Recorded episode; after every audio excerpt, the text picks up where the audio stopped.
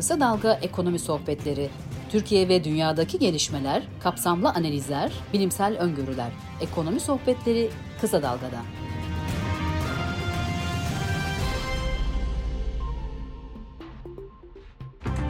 Ekonomi sohbetlerinden merhaba.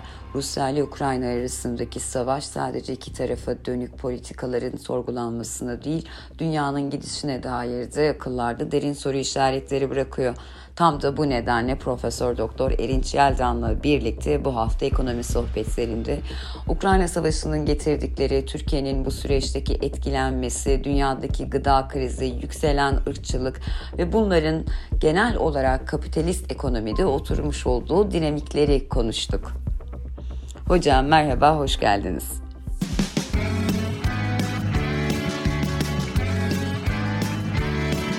Kulağınız bizde olsun. Kısa Dalga Podcast.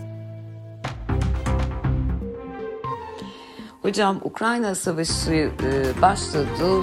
Rusya'ya dair bir sürü şey duyuyoruz. Bununla birlikte aslında daha önce tanık olduğumuzdan daha yüklü, daha büyük bir yaptırım politikası uygulanıyor. Öte taraftan Rusya kendince buna yanıtlar geliştirmeye çalışıyor. Hem sistemin içinde hem Ukrayna'da bu duruma dönük yani Ukrayna'da yaşanana dönük farklı soru işaretleri de oluşuyor. Bu gıdadan başlıyor, enerjiye uzanıyor, kapitalizmin krizine dair bir şeyler söylüyor. Ee, Rusya'ya dönük ciddi tartışmalar dönüyor. Siz bu süreci nasıl görüyorsunuz, nasıl değerlendiriyorsunuz?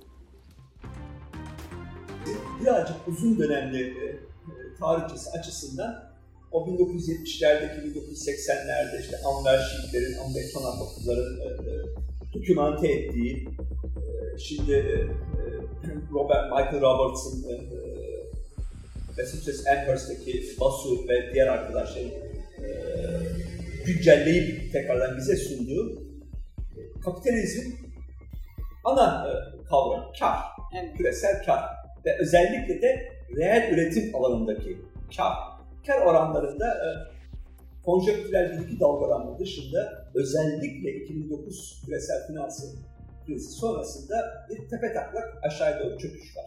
Bunu aşmak için hep bir takım temenniler, fanteziler, işte sanayi 4.0. Evet. Canım hangi sanayide? Japonlar 5.0'ı konuşuyor artık hocam. Geçti artık 4.0 gibi e, bir e, var olmayan teknolojiler, var olmayan teknolojileri üreten, var olmayan kurumlar, etkin devlet, evet. yönetişimci devlet, ekonomi devir ve neoliberal evet. devletin uzantısı. Böyle demokrasi kurumlarıyla kaybedecek vaktimiz yok. Hızlı, etkin, bu istirahat e, sıfat kirlendi ama akil insanlardan evet. oluşan işte telekomünikasyon özelleştirme kurulu, efendime söyleyeyim, şeker piyasası kurulu, kurullar, üst kurullar ve üst kurulların üyeleri de tırnak içerisinde şu veya bu şekilde belirlenmiş teknisyen, bu işi çok iyi bilen bir akil insanlar topluluğu. Bunların herhangi bir denetime tabi olması gerekmiyor, seçilmiş olması gerekmiyor, atanmış ve hatta atanmışlıkta o ülkenin vatandaşı olması da gerekmiyor. Tam tersine bir şey hani ne kadar uluslararası düzeyde seçkin insanlar, e, işte Dünya Bankası Başkanı, IMF e, e, baş ekonomisti, OECD baş iktisatçısı gibi insanlardan bir araya gelip yargı denetiminden muaf, aldıkları kararlar tamamıyla iktisadi rasyoneliteye uygun olacak. Böyle bir hayal dünyası kuruldu. Yani şimdi bu birçok olayla beraber Amerika'nın e, Irak'a müdahalesiyle başlayarak neredeyse kitlesel imha silahları e, kurmak için gitmiştik. E, Aynen öyle. Amerika demokrasi götürüyordu Irak'a. Irak evet. coğrafyası paramparça oldu. Oradan bir dizi etnik iç savaş kan davası üretildi. Suriye'de bir ikinci defa bütün bu Alice Harikalar Dünyası sen söyle sen inan fantezi, kurumlar, teknoloji olmayan teknolojiler, kurulmaz, kurgulanması e, mümkün olmayan e, kurumlar yakın dönemimizde bir de bunu tekrardan çok düşünüp evet. izledik. Ve şimdi de Ukrayna, Rusya, e, yani Rusya'nın Ukrayna'ya savaş açması ve tırnak içinde kullanıyorum, çağdaş Batı, e, ileri e, medeniyet, muasır medeniyetler coğrafyasının bunun karşısında çaresiz, çaresizlikten de öte e, göz göre göre aslında kendi kurmaya, inşa etmeye çalıştıkları bu hayali kapitalizm dünyasının çok yakın tarihimizde üçüncü defa olduğu üzere çalışmadığı, işlemediği ve hatta tam tersine o dünyanın bu eseri olduğu kanunsuzluk, hukuksuzluk, denetimsizlik, evet. Demokrasinin dışına çıkma, verimlilik, etkinlik uğruna tüm dünya çapında demokrasinin tahribatı, tüm dünya çapında seçilmiş ve yargı denetimine tabi olan kişilerin, kurumların bir olarak getirip yerine atanmış, çabuk, etkin karar alacak. İşte Türkiye'de de Cumhurbaşkanlığı hükümet sistemiyle bunun inşasını öngördük ve birebir yaşıyoruz. Dolayısıyla e, dünya küresel kapitalizminin ne Ukrayna müdahalesine karşı e, e, bir yaptırım uygulayıp veya hak, hukuk, demokrasi gibi bir kavramları kullanacak hali var. Çünkü bizzat neoliberal dediğimiz mutlak kapitalizm diyor Etienne Balibar neoliberal sözcüğe. Mutlak kapitalizm. Kapitalizm kendi kendini tahrip etti. Evet hocam ben de onu söyleyecektim. Hani iki, tabii o neoliberal dönem değil bahsettiğimiz ama İkinci Dünya Savaşı süreci anlatılırken Almanya'da işte yer alan bazı ABD firmaları da dahil olmak üzere bu şirketlerin işte faşizme e, araç taşıdıklarından bahsedilirdi ve işte hani derslerde bize de hani o kapitalizmin amentüsünün kar olduğu aslında kime çok da hizmet ettiğini önemli olmadığına dönük işte hani zihinlerimize fikirler yerleşiyordu. Şimdi ise hani Rusya'da örneğin benim açımdan hani enerjide çalıştığım için ben işte büyük enerji şirketlerinin, çok uluslu enerji şirketlerinin çok da iyi karlar elde ettikleri, örneğin Rusya piyasasından çekilmelerini anlayamıyorum. Bunu nasıl, yani örnek veriyorum Shell niye çıkıyor? Bunu peki nasıl hani düşünür? Kardı, niye böyle yapıyor olabilirler? Elbette kar. Fakat bir yerde de kamuoyu imajı İtibar. Yani itibar, itibar yani, devreye giriyor. Kapitalizm e, kısa dönemdeki e, kardan fedakarlıklarını uzun dönemli e, bambaşka bir itibara dayalı dediğiniz gibi PR malzemesi yaparak bir imaj yükleyerek pekala telafi edebilir. Evet. Yani iki şey söyleyeceğim. Shell özellikle bağlamında bir tanesi. Ama önce her şeyden önce bu Ukrayna-Rusya savaşı sosyal medyanın siz daha iyi biliyorsunuz, uzmanı sizsiniz ama sosyal medyanın bu kadar etkin, bu kadar yaygın olduğu ilk büyük savaş. Evet. Bundan evvelki mesela böyle bir aşamayı ben yorumlayabildiğim kadar Irak Savaşı müdahalesinde CNN Evet, Körfez Savaşı'nda, evet. Yani e, biz böyle siyah beyaz dokümanter e, filmlerden değil, bizzat canlı yayın tankların yanında CNN muhabirinin ilk defa orada e, savaşın canlı olarak nasıl bir şey olduğunu Hoş tabii orada da e, o kadar orantısız güç söz konusuydu ki yani e, bir, Irak, bir Amerikan askerinin canlı yayında hayatını kaybettiği e, gözlenmedi yani. Bir, evet. Bir yerde neredeyse bir tatbikat gibi bir şeydi. Ama gene de öyle bir aşamalıydı.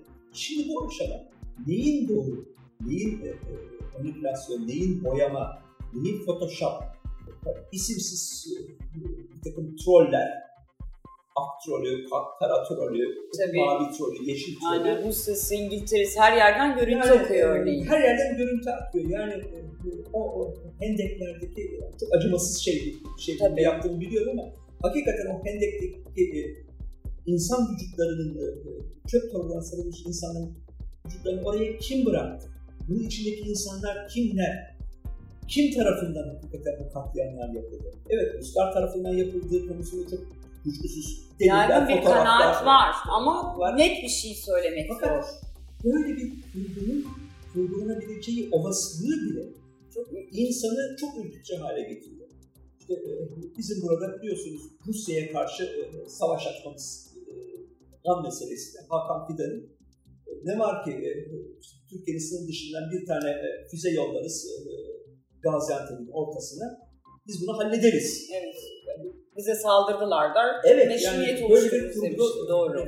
Dolayısıyla sosyal medyada da aa öyleymiş işte kim yazdı kim etti ilk başta ben bir Suriye yani e, Rusya e, bağlamında bir cümle e, kurulacak. Şimdi oraya geri gelip Türkiye'de de örneğin şu anda çok farkında olmadığımızı fakat çok tehlikeli bir oluşum olduğunu düşünüyorum.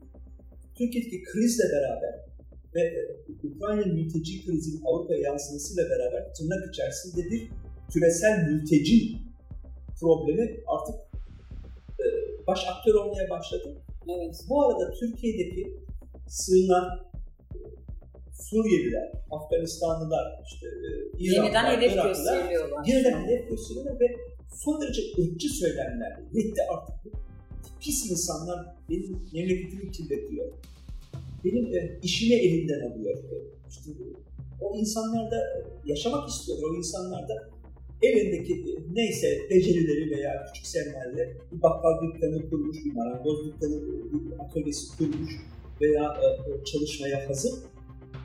Bunlar düşman olarak, bakın benim elimdeki işimi alıyor. Evet. Ve kapitalizm, Samir Amin'in çok ünlü sözü e, aslında. Artık e, kendi kendine bir savaş konjonktürü olmadan idare edemez Evet.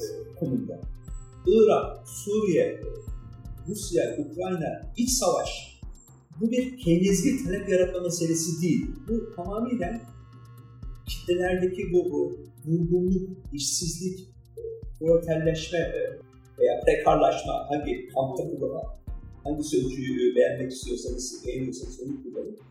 Buradan kitleler bir toplumsal muhalefete, sisteme karşı mücadeleye girişmesin diye, girişmesin diye ırkçılık, şoven duygular, etnik bazı şiddet, kadına yönelik şiddet, cinsiyet bazında şiddet, okumuş, eğitilmiş insana, aydın insana şiddet, kasabalaştırma, bu kültürlerin e, çatışması kapitalizm artık buradan besleniyor. Evet hocam Fransa ve Macaristan'a mesela Fransa'da Le Pen'in Evet, ikinci tura evet. kalması bir bence radikal bir şeydi. kuşkusuz. Hatta belki görmüşsünüzdür bir sosyal medyada bir fotoğrafı var hani siyah bir e, sıralıyor güzel, ama evet. o parmaklar, Ama eller, evet mi? o el Teline değemiyor. Yani, Kesinlikle. Yani bu Keza Macaristan bu yani sizin söylediğinizde sanıyorum böyle tam hani örneklemini oluşturuyor Evet, gibi. evet. Yani e, ne Türkiye'de yaşadığımız e, Suriyeli, Afgan, e, göçmen, ülkesinden Sığınmacı, sığınmacı. Misafir yani nasıl e, e,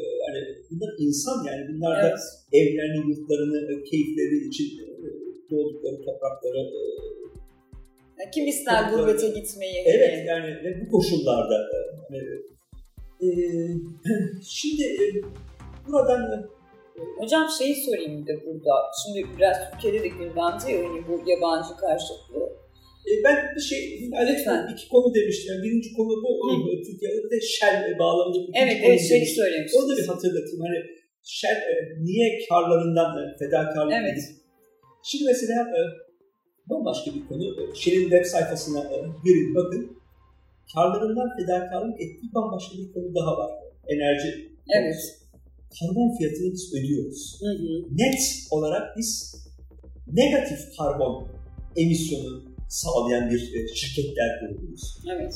Tır kamyonlarına, otobüslere, otomobil e, e, sahiplerine verdiği Shell kartına bakın doldurduğu, arabanıza doldurduğunuz, otobüsünüze, kamyonunuza doldurduğunuz benzinin her saldığı, emit ettiği karbondioksit sera gazının fiyatı ödenmiştir. Gönül rahatlığıyla kullanın benzin. Ama Shell- şey mi oluyor hocam? Şöyle dediğimiz atmosferde salınmıyor mu? Aynen, aynen.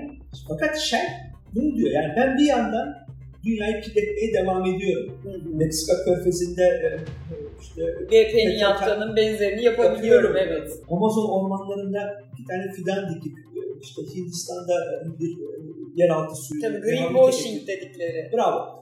Yani bu evet yani yeşil boyama. Evet, aynen öyle. Buna milyarlarca dolar. Sadece Shell değil, BP öyle, Gazprom öyle, Evet. büyük enerji şirketleri. Şimdi bunlar karlarından tabii yiyorlar. Ama Shell'in web sayfasına gidin, ormanlar, kelebekler, rengarenk kuşlar, sen de bu mücadeleye katıl. Yani senin adına bu mücadeleyi veriyor. Ama öbür taraftan da rafineri bacalarından da sera gazları salınmaya evet. devam ediliyor.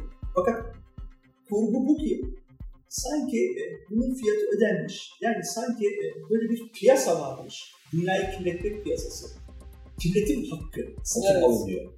Yani küresel kapitalizmin bu en aşağılık. Evet. Yani e, en e, uydurma kavramlarından bir tanesi. Dünyayı kirletme hakkını bir piyasaya dönüştürüp burada havayı alıp satarak, solduğumuz havayı alıp evet. satarak bir ticari malmış gibi düzenleyerek şirketlere ben kirlettim ama offsetlerim var. Parasını da ödedim. Ben vicdanen tertemiz gelecek kuşaklara bu dünyayı emanet eden bir e, şirketin dolayısıyla bu e, yaptırımların yanındaymış gibi gözükmek ve havayı kirletiyormuş, kirletmiyormuş gibi gözükmenin bir parçası olarak düşünüyorum. Çok uzun şirketlerin öyle bir e, nizam sebebi. Buraya gönül rahatlığıyla kısa dönemde karlarından fedakarlık ettiklerini fakat bir imaj, barıştan yana, e, efendime söyleyeyim, yeşil enerjiden yana bu neoliberal dünyanın işte e, saygın, etkin, verimli e, birer ileri kuruluşu olmak mizansenin bir parçası olarak görüyor.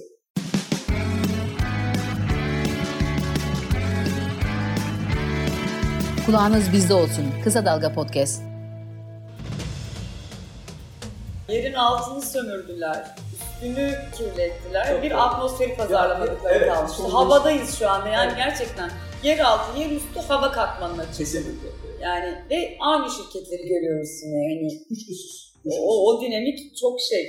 Hocam bu şey göçmenler mevzusuna, yani mülteciler mevzusuna dönersek şimdi Türkiye'de işte konuştuk çok yükselen bir hedef gösterme, çok aşağılayıcı cümlelerle yani bir insandan bahsetmiyormuşçasına hani e, tanımlıyorlar, aşağılıyorlar. Bir de böyle bir kamuoyunun gündemine de geldi şimdi İstanbul'da özellikle hani konuşuluyor emlak piyasasındaki tuhaf durum. Balon diyemiyoruz çünkü talep var arz aslında. Arz cephesinde bir sıkıntı var gibi görünüyor. Yabancıların konut alımı. Yani örnek veriyorum İstanbul'da işte 250 bin dolar verip ya da şu anda 400 bine çıkarıldı yeni düzenlemeyle bu. Ona dönük bir ırkçılık yok ama anladığım kadar. Irkçılık galiba garibana, kim ee, olduğundan ziyade hesap cüzdanıyla alakalı bir çok şey güzel. de geldi. Ee, kuşkusuz tabii ki e, çok haklısınız. Hatta e, hani e, elimde bir veri e, olmamasına rağmen anekdotal ama e, güçlü bir e, öykü, e, güçlü bir e, sab olduğunu düşünerek paylaşacak. Vesileleri, emlakçı arkadaşlarla işte konuyu konuştuk. Hani kafamızda bir klişe Araplara satıyorlar. Hı hı. Daha özel yani Tabii. Türkiye'sinden bir yani Araplara sata sata bitirdiğimiz İstanbul'da. Şimdi bu Ukrayna-Rusya savaşından kaynak olarak Rusya'dan özellikle çok ciddi anlamda konut alımı başlamış İstanbul'da. Evet. Dediğiniz gibi bir taşla tutmuş, bir coğrafi olarak yakın bir şehir hastası. Dünyanın en güzel şehri kuşmuş. Ama ikinci da vatandaşlık elde etmiyor. Çünkü Rusya vatandaşlık çok büyük olasılıkla Amerika'ya, Avrupa'ya e, halleden ister iş seyahati, ister e, turist seyahati, ister çocuklarını bekliyor, evet. isteyecek neyse e, bu olarak uzunca bir süre kapanacakmış gibi duruyor. Bir Türk vatandaşlığı alıp işte şuradan da bir orta halli bir ev alıp Türkiye vatandaşlığıyla Batı ülkeleriyle ya da işte yaptığım yapıyormuş gibi olan ülkelerle diyeceğim. Evet. Bu da önemli bir fırsat oldu. Tabii bu fırsatta şimdi hiç kimsenin aykırı olarak ya onlar yerli milli atalarımızın kanlarıyla sulanan bu Tabii güzel topraklarımızı kirletmiyor mesela. Onların evet. ayağı galiba çok temiz ki o kirletmiyor. Ama işte yurdundan şiddetle, terörle canını kurtarmak için ailesiyle de ömrünü kurtarmak için kaçıp gelmiş olan insanlar bahsettiğimiz gibi bu sosyal medyanın çok çirkin yüzüyle köşede oturuyor, oturuyor çalışmıyor. Evet. Gördün mü tembeller. Bir de bir yıl işte bedava hastaneye gidiyor, çocukları Buna bedava dair okuyor, hurafeler, bedava, evet. bildiğin hurafelerle e, rezillenmiş. Benim işimi elimden alıyor, benim vergilerimle beraber yaşıyor, çocukları benim çocukların gidemediği okullarda tedavi görüyor, e, okuyor e, vesaireyle beraber soslanmış bir ırkçılık. Evet yani ırkçılığın da bir e, sınıfsal boyutu var, evet. çok net olarak gözüküyor. Eğer cebinde bir e, 200-250 bin lira e, veya işte 400 bin doların neyse cüzdanın varsa e, sen de temiz bir e, misafirsin. Türkiye'ye hoş geldiniz. Türkiye'ye hoş geldiniz. Yok e, alın teninle çalışmaktan başka bir çaren yoksa Yerimiz dar deniyor bir e. Evet. e, Bir, e, istenmeyen bir düşmansın. Yani bana şey gibi geliyor hocam, bu hani konuşuruz ya işte sermayenin serbest dolaşımı çok rahat yapılıyor ee, diye ama hep şeyden bahsederken bu sınıf kavramları Evet. işte göçü zorlaştırır yani insanların yani emeğin serbest dolaşımında bir sıkıntı. Avrupa Birliği'de hani çok duyduğumuz ama küresel olarak da bahsettiğimiz e, kavramlarda aslında serbest ama hesap cüzdanınızla alakalı. Çok doğru. Hatta e, buradan e, şöyle bir alt bölüm e, kurgulayabiliriz gibime geliyor. Bu, o, bu da bir genelleme e, yani e, küreselleşme kim için? Hangi küreselleşme? Evet. Şirketler ve finans sermayesi aslında küreseldi. Onun önündeki bütün ulus devletin düzenlemeleri, e, e, sınırlamaları kaldırılmış. Kaldırılmayan ülkeler de e, işte dinozor, çağ dışı diye suçlanmış. Emek sınır içine hapsedilmiş vaziyetteydi. Ve bir yerde e, emeğin dolaşım hakkının e, sadece zengin emeğe tanınması veya beşeri sermaye olarak eğitilmiş emeğe tanınması ama e, kol emeğine ulus sınırı kapalı olması belki bu 1980 sonrası küreselleşme sürecinin ilk veçesi, ilk ya da işte bir başka yüzü, e, yapısal yüzü olarak tanımlandı. Şimdi e, Irak Savaşı ile başlayan, Irak Suriye Savaşı ile e, şiddetlenen ama belki ipuçları daha Yugoslavya İç Savaşı'nda olan ama şu anda Ukrayna Rusya Sa- Savaşı ile beraber bence iyice ayyuka çıkan bir e, düzenlenmiş bir, yeni bir küreselleşme yapısı içinde karşıyız. Şimdi göçler dolayısıyla zorlama e, göçler e, dolayısıyla emek kol emeği olması daha serbest hale geldi. Onun dolaşımı. Buna hatta e, iklim değişikliği, ener- iklim krizinden de kaynaklanan e, emek göçünü de ilave Evet. etmek. Fakat sanki sermaye işte Rusya'nın mal varlıklarına el konulması, Trump'ın Çin sermayesine, e, e, Afrika'ya müdahalesine şu veya bu şekilde engeller getirmesi gibi sanki sermayenin dolaşımının engellendiği, sermaye içinde bir ırkçılığın başladığı bir e, konjonktüre sürükleniyoruz. Yani e, sermaye bir takım düzenlemelere, iktisat dışı düzenlemelere, politik, jeopolitik düzenlemelere tabi. Emek şu anda e, daha e, serbest. Yani küreselleşmenin bir ikinci aşaması e, anlamına geliyor bu. Her iki aşamanın da genelleştirme pahasına 100-150 yıl evveline gidersek aynı 1870'lerde, 1880'lerde İngiltere'nin önceliğinde kuruldu uygar dünya. İngiltere'nin Hindistan'a, Pakistan'a, Malezya'ya, e, Avrupa ülkelerinin, e, Sahra altı Afrika ülkelerine uygarlık getirdiği dönem. Tabii. Daha sonra da e, Lenin'in bahsettiği artık geberen kapitalizm yani e, sınırlar birbirine çatışmış, yeni sömürgeler kurma olanağı yok. Ancak ve ancak savaş yoluyla sermayenin bir yerde tahrip edilmesi ve emeğin e, Yahudi kökenli e, inancındaki insanların e, yurtlarından kopartılması, e, milyonlarca e, işte, Afrikalı'nın e, modern kölelik olarak Cezayir'in, Tunus'un, Türk'ün, Yugoslav'ın, Avrupa'nın e, çalışma Evet, kamplarına gönderilmesi. Evet. Çin'in kendi içinde bir çalışma kampı gibi Tabii. çalışıyor olması. Yani bu 19. yüzyılda ve e, büyük bir savaş konjonktürüyle e, ne yazık ki çözümlenen süreçleri yeniden yaşıyoruz izlenimi veriyor. Sanki kapitalizm bize e, 1913'te kaldığı yerden devam edecek, 1913'ün eşiğine gelmiş gibi duruyor. Evet. Yani şu anda çok daha güçlü kitlesel imkan silah, silahları e, Nükleer silahlar. Nükleer silahlar. Evet. e, Hani, e, son derece pesimist bir şekilde bakıyorum. Dünyaya, e, ama öbür taraftan da yani tarihimizden aldığım hiçbir ders almadığımızı, Almanya'da, Fransa'da ırkçılığın yükselmesi, biraz evvel dediğiniz gibi siyahi bir insanın teline dokunamayacak kadar içselleştirilmiş Evet.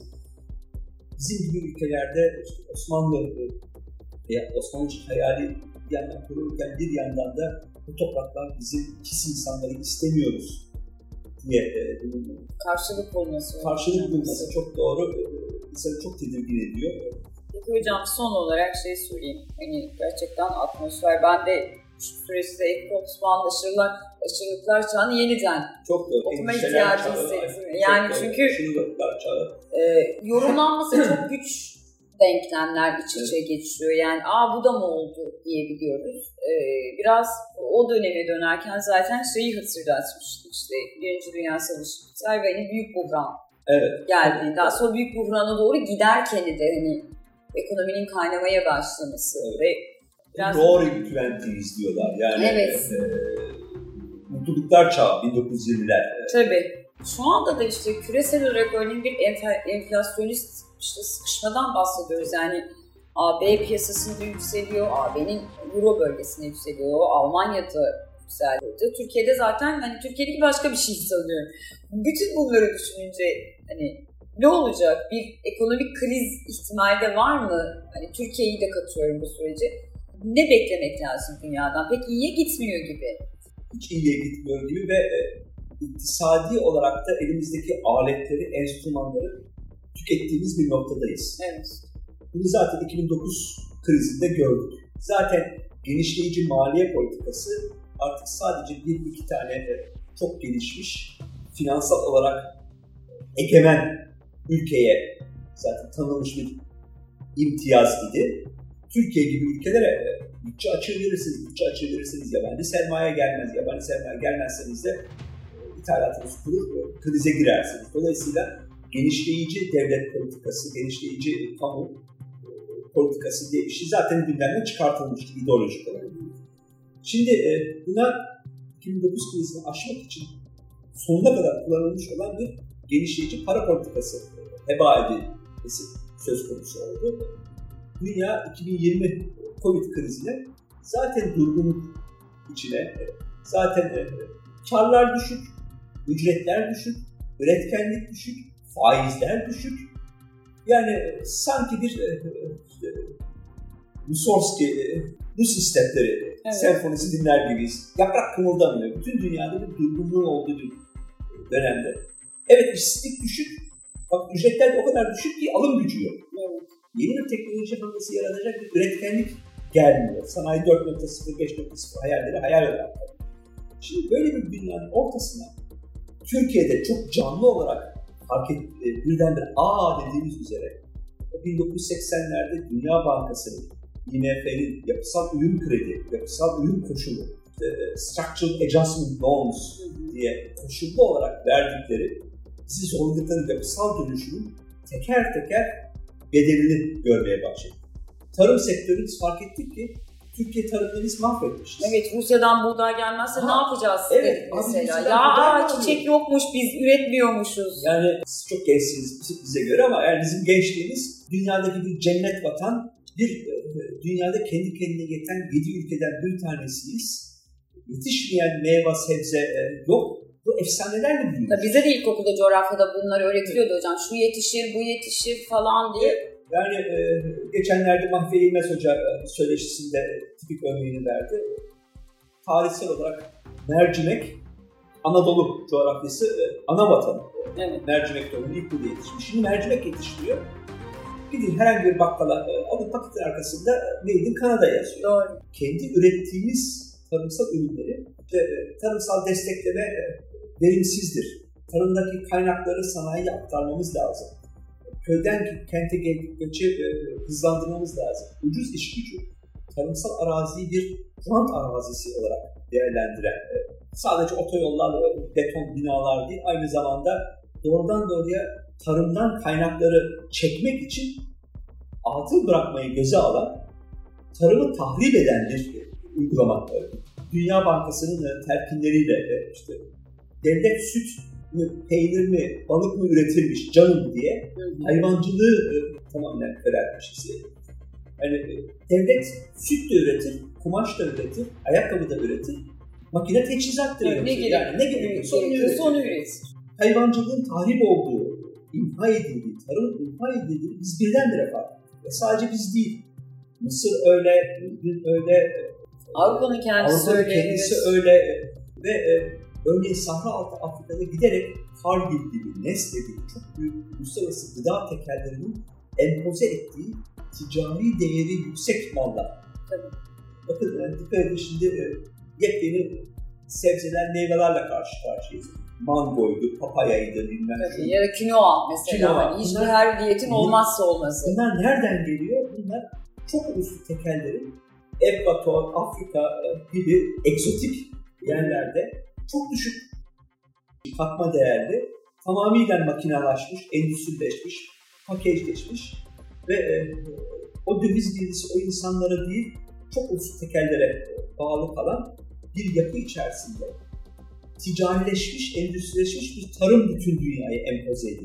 Bu Olurken tabii yerel mercimek, buğday gibi ticari değeri görece olarak daha düşük ama yerel ve güvenilir olan bütün e, ürünler teker teker tahrip edildi.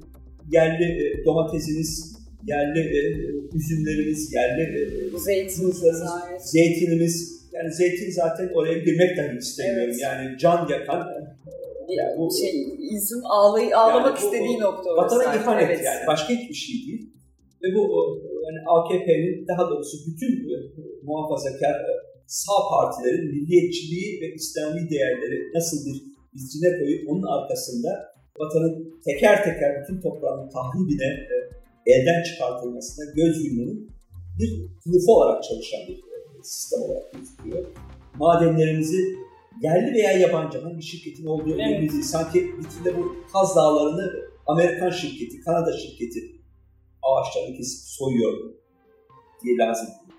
Bir Türk şirketi olsa sanki farklı mı davranırız? Evet, daha mı yani olacağız? Yani tamam, sermaye siz daha çok yağmalayın. acımasız Evet. bir şekilde e, bütün zenginliklerimizi, varlıklarımızı e, yağmalıyor. E, Böyle bir dünyanın enflasyon yani gıda tedarik zincirindeki engeller, lojistik olarak taşınmasındaki dünya ticaret yollarının engellenmesi gibi teknik sözcüklerin arkasında yaşanan olgu aslında mutlak kapitalizm. E, Ben bu sözcüğü şimdi çok daha e, beğenerek kullanıyorum. Neoliberal neoliberal dönüşü. Yani bu öyle bir şey oldu ki sanki kapitalizmin böyle e, işte türleri var. İstediğiniz zaman çekmeden alıyorsunuz. Neoliberal dönüşümü diyorsunuz. Evet. İsterseniz Keynes'in sosyal refah devleti diyorsunuz. O biraz daha hoşgörülü bir söylüyoruz. Hayır, mutlak kapitalizm. Yani kapitalizm bu. Bunun nasıl doğayı ve kendi kendini tahrip ettiğini, gıda güvenliğimizi nasıl gelişmiş, gelişmekte olan bütün ülkelerde ticari değeri olan egzotik malları vitrinlere yerleştirirken aslında temel gıda mallarını nasıl teker teker e, ve böyle bir uygarlık, bir teknolojik dönüşüm öyküsüyle beraber Tabii köylülük olarak anılır Köylülük yani. olarak çok güzel, köy- doğru. Hani sen de ne kadar geleneksel, kelimesi evet, bile. Evet, yani. e, e, e, Yani köylü kalmadı mesela köylü Çok yok. doğru. Yani bunu böyle bir sıfatlandırarak e, nihayetinde şuraya varmak istiyorum. Enflasyon bütün bunların bir patlaması olarak ortaya çıkıyor. Gıda güvenliğinin aşılması, malları taşıyamıyorsun. Taşıdığınız mal yok, üretilemiyor.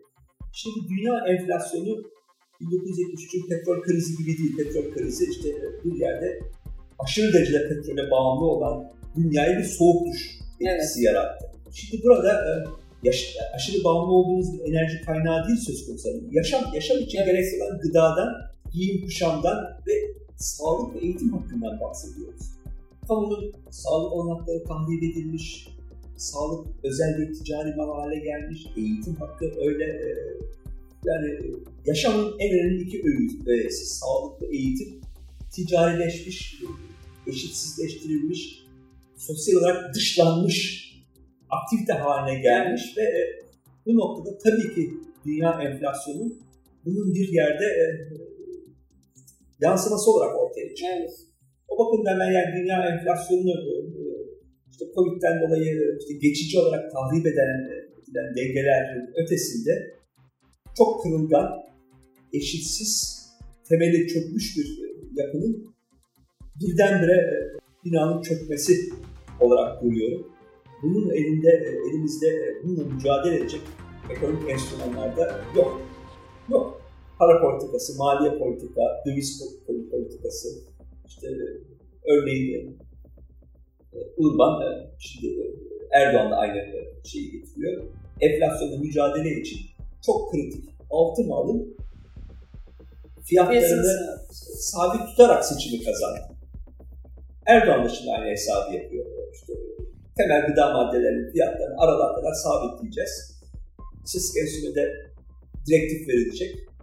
Bunlar ne olursa olsun sıfır fiyat artışı olarak gelecek enflasyon sanki düşüyormuş gibi olacak. Tabii şeyin de ünlü kesene işte alternatif yani TÜİK'ten onaylanmamış evet. istatistik kullanılamaz denildi. Evet. Ve yani hatta biz akademisyenler yani dünyasında hesapladığımız bir yıl değişken mesela evet. reel ücretler hesaplıyoruz. Merkez Bankası'nın yani TÜİK'in hesapladığı reel ücretler ve alternatif bu. Evet. Ama gene resmi verileri kullanıyoruz. Evet. Veya kendi yaptığımız anketler var, kendi izlenler var. Yani e, ben şu anda mesela e, Türkiye ekonomisi reel ücretler nominal ücret gördüğü değeri alıp TÜİK'in resmi enflasyonu böldüğüm elde ettiğim rakam TÜİK'in açıkladığı rakamla uymuyorsa bu da bir suç olur.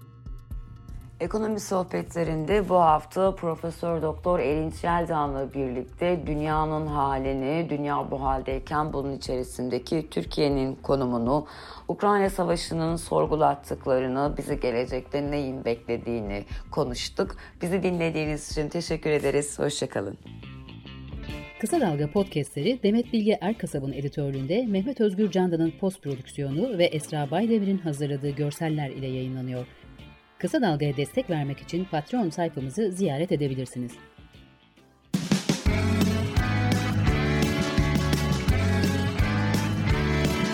Kulağınız bizde olsun. Kısa Dalga Podcast.